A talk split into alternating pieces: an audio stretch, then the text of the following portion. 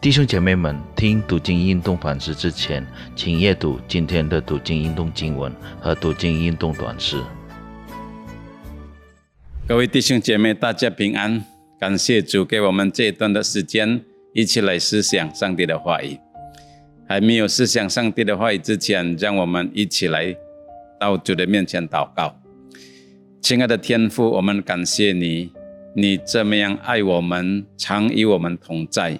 也是给我们这一段的时间，安静我们的心来思想你的话语。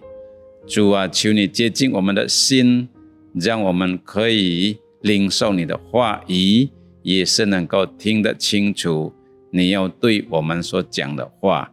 主啊，求你祝福这一段的时间，也是恩高你卑微的仆人啊，能够把你的话语讲得清楚。奉耶稣基督圣名求，阿门。各位弟兄姐妹，今天我们要看的经文是在传道书第二章。我们今天单单看一节经文而已，就是在第十七节。传道书第二章十七节，圣经这里告诉我们：我所以恨恶生命，因为在日光之下所行的事，我都以为烦恼，都是虚空。都是捕风的，各位弟兄姐妹，我们从传道书第二章整章的经文里面，我们一起来思想一个题目，就是人生的意义在何处？那我们从两方面来思想这个题目。第一方面，就是在日光之下，所有的东西都是虚空的。当我们看传道书整章第二章的时候，我们那边就很清楚看到，传道书作者告诉我们，日光之下一切的劳苦都是虚空的，日光之下所拥有的都是虚空的，无论是聪明，无论是财宝，无论是享受，他说这些东西都是虚空。都是有一天要过去的。那当圣经学者研究这个传道书的时候，他们大部分的就认为，这个传道书的作者就是所罗门王。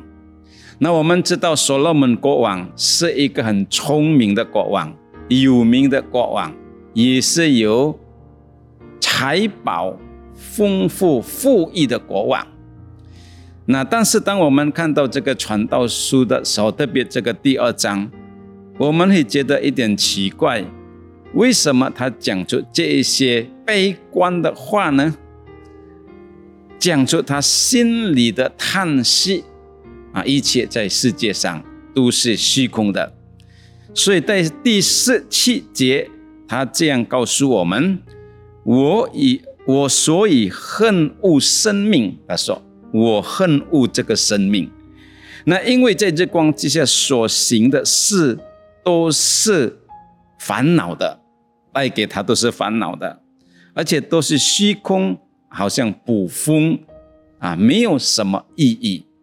那所以在这个传道书第二章这里所要强调的呢，在日光之下，在世界上面一切。一切所有的都是暂时，都是虚空的。呃，传道书第二章这里的信息，跟主耶稣在马太福音第十六章二十六节所讲的话有相似的含义。主耶稣在马太福音第十六章二十六节，他怎么样说呢？人若赚得全世界，但是世上他的生命有什么益处呢？他还能够用什么东西把生命还回来呢？那主耶稣这里告诉我们，生命比世界一切更宝贝，而且生命比整个世界更宝贝。一方面呢，主耶稣要告诉我们，生命这样宝贝，所以我们要好好的爱惜、保护我们的生命。但是另一方面，主耶稣也是提醒我们，世界虽然有很多很多吸引我们新的眼目的东西，那这一些都是暂时都会过去的，所以我们要非常的小心，不要把我们的生命，呃呃，生命的意义建在这个世界，因为如果建在这个世界，我们就会像这个传道书作者所讲的一切，在日光世之下，在这个世界里面。这一切都是虚空的，各位弟兄姐妹，到底我们的生命益处在哪里呢？那虽然在传道书第二章里面没有明文告诉我们从哪里可以得着生命真正的意义，那我们从另外一个经文来看啊，生命的意义在哪里？那所以我们要看第二点，我们的重点。啊，就是在耶稣基督里面啊，我们可以得着生命真正的意义。主耶稣曾经在约翰福音第十六章啊，第四四章第六节那边告诉我们，耶稣说：“我就是道路、真理、生命啊，没有人能够到父那边去，除了透过他。”那这里耶稣告诉我们，没有一个人能够回到上帝的面前，那除了。透过他本身，他才能够把人带到主的面前。那为什么没有人能够到上帝的面前呢？那因为我们都知道，人已经堕落、犯啊犯罪。那在罪恶里面，我们没有办法哦来到圣洁上帝的面前。这个是现实，我们没有办法做到的事情。那因为人不能够回到上帝的面前。所以，上帝就来到人当中啊！耶稣是上帝，他是全能的主，但是他来到这个世界，穿上人的身体，像你像我，让把我们带回到上帝的面前。那这个是基督教特殊信仰的意义，跟一般宗教不一样的地方。那一般的宗教，它的观念就是。人用他的办法来到上帝的面前，得着这个永生，但是永远都得不着的。但是圣经的教导，而我们基督徒的信仰，不是人来找上帝，但是上帝来找人，而且上帝为我们开了一条通天的路。那各位弟兄姐妹，耶稣来到这个世界，穿上人的身体啊。那就是透过他在世界界的死赦免我们的罪，然后透过他坟墓里面的复活，那他就呃建立一个救恩的道路、生命的道路。那所以他说啊，没有人能够到父那边去，除了透过他，就是透过他为我们而死，洗净我们的罪，而且他从死里复活，胜过这个死亡。还有罪恶的前世，他就把我们啊带到主的面前，为我们开了一条的路。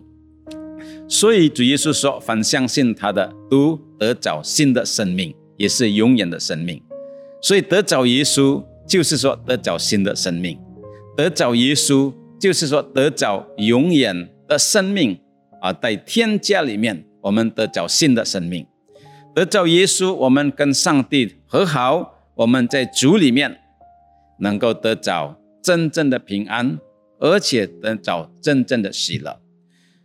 当我们得着耶稣的时候，我们的生命摆上来侍奉上帝。那让我们忠心侍奉上帝的时候，圣经说，以后在天家，上帝会预备给我们永远的冠冕或者荣耀的冠冕。这个是我们真实的财宝。也是永远的财宝，所以各位弟兄姐妹，只有在耶稣里面，我们可以得着生命真正的意义，就是能够与上帝和好，能够得着永远在天家的生命，而且能够得得着天上的财宝，永远的冠冕。那所以今天我们信了耶稣，我们要感谢上帝，不是单单感谢上帝，也是要忠心来跟随他，热心来侍奉他。让我们的一生真正得着生命的意义。愿上帝祝福我们，我们一起祷告。亲爱的父神，我们感谢你，你带领我们这一段的时间，让我们思想你的话语。求你帮助我们能够明白你的真理。这个世界都是暂时的，而且日光之下一切都是虚空的。让你把我们的心带回你的面前，让你坚固我们的信心，得找耶稣，跟随耶稣，忠心侍奉耶稣，我们就能够与上帝和好。在添加，我们能够自产我们真正的财宝，我们就能够得着生命的意义。求你恩待每个弟兄姐妹，带领我们每一个脚步，忠心跟随你。听我们祷告，奉了耶稣基督圣名求，阿门。